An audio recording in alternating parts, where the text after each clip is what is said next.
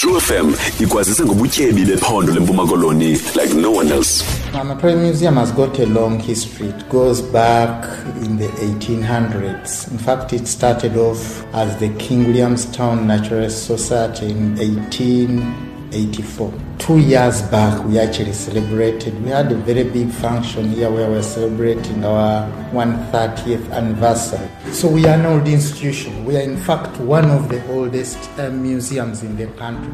If I'm not mistaken, could be one of the old six museums in the country. So we've got a profile when it goes to how long we've lived. And I think for that reason, that's why all our buildings here and at the Missionary Museum, which is on Berkeley Street, they are all declared national monuments. So that's basically how far Amathole Museum goes back. And uh, of course, it's changed names since then, starting off as the King Williamstown Naturalist Society.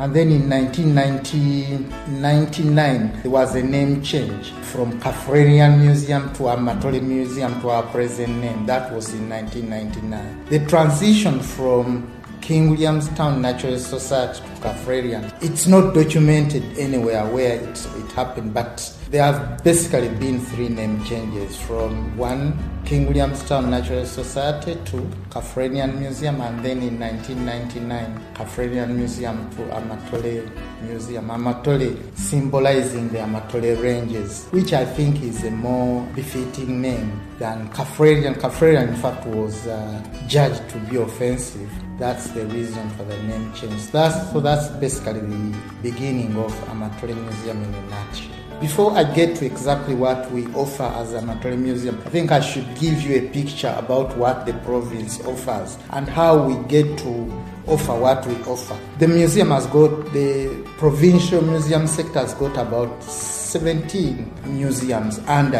its administration. 19 if I'm to be specific, except that the two are a bit, they a bit of uh, administrative issues. But Many of those institutions have taken up particular themes. So, our theme here is one history, anthropology, and natural history. Natural history encompassing the mammal component, and the mammal component being the mammal component residing on land, terrestrial mammals. The museum, like the one in PE, has got the marine component. They have marine mammals we have terrestrial mammals. So basically, those are the offerings that we give as Amathole Museum history, anthropology, and uh, terrestrial mammals. And of course, anthropology focusing on Xhosa, San, and Khoi.